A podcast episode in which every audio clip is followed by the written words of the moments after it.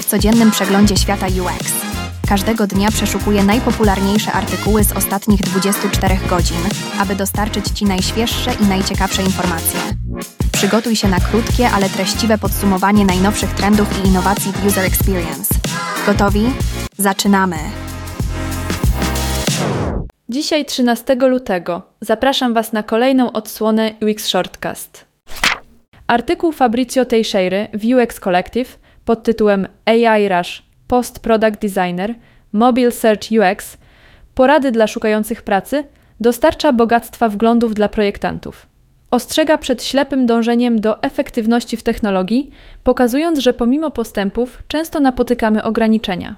Artykuł podkreśla znaczenie badań użytkowników w rozwoju produktów AI, zauważając, że poleganie wyłącznie na AI bez dokładnych badań może prowadzić do słabych wyników.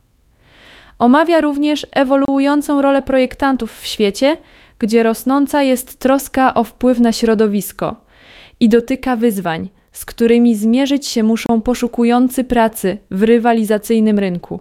Dodatkowo oferuje praktyczne porady dotyczące wzorców wyszukiwania mobilnego oraz tworzenia efektywnych systemów projektowania.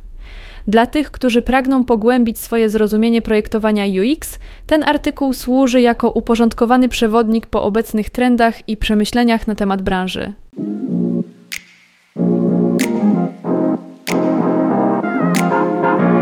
W artykule Jaki jest wpływ stylu przywództwa Ilona Maska na doświadczenia użytkowników końcowych? Autorstwa Meltem Skaso Koskun zagłębiamy się w to, jak sposób prowadzenia biznesów przez Ilona Maska wpływa na ludzi tworzących technologię oraz na klientów z niej korzystających. Musk to wielka postać, a jego zdecydowane i wszechogarniające style kierowania wyznacza kierunek dla innych liderów, którzy mocno naciskają na swoje zespoły, dążąc do stworzenia produktów najwyższej jakości i zapewnienia najlepszych doświadczeń użytkowników. Jednak ten artykuł zadaje pytanie, czy napędzanie pracowników do granic możliwości jest naprawdę tajnym składnikiem świetnej technologii i zadowolonych użytkowników. To tak jakby Musk prowadził zespół technologiczny jak starą węglową fabrykę, oczekując, że ludzie będą pracować jak maszyny. Może to prowadzić do wypalenia zawodowego i bałaganu wewnątrz firmy. Główne pytanie, które stawia artykuł, brzmi: czy ciężka praca i poświęcenie pracowników technologicznych rzeczywiście prowadzą do lepszych produktów? Czy istnieje lepszy sposób działania, który jest dobry zarówno dla produktów, jak i dla ludzi je tworzących? Soskun sugeruje, że zdrowa kultura pracy może być równie ważna dla tworzenia niesamowitej technologii, której ludzie chętnie używają.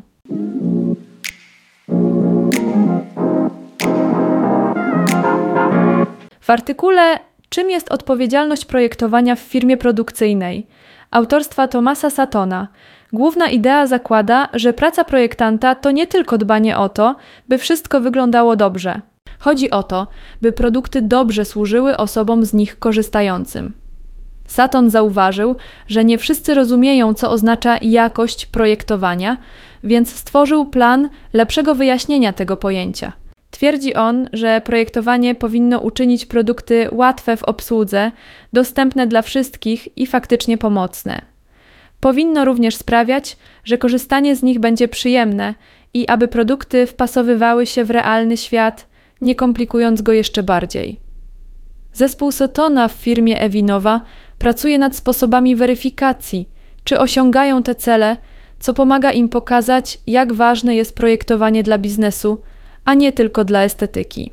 Saton zachęca innych profesjonalistów z dziedziny projektowania do zastanowienia się, co projektowanie oznacza w ich własnych firmach i jak mogą udowodnić, że inwestycja w to obszar się opłaca.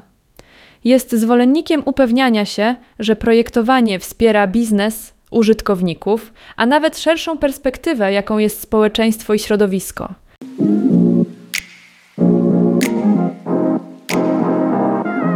Dziękuję za wysłuchanie i zapraszam na kolejną dawkę wiedzy już jutro.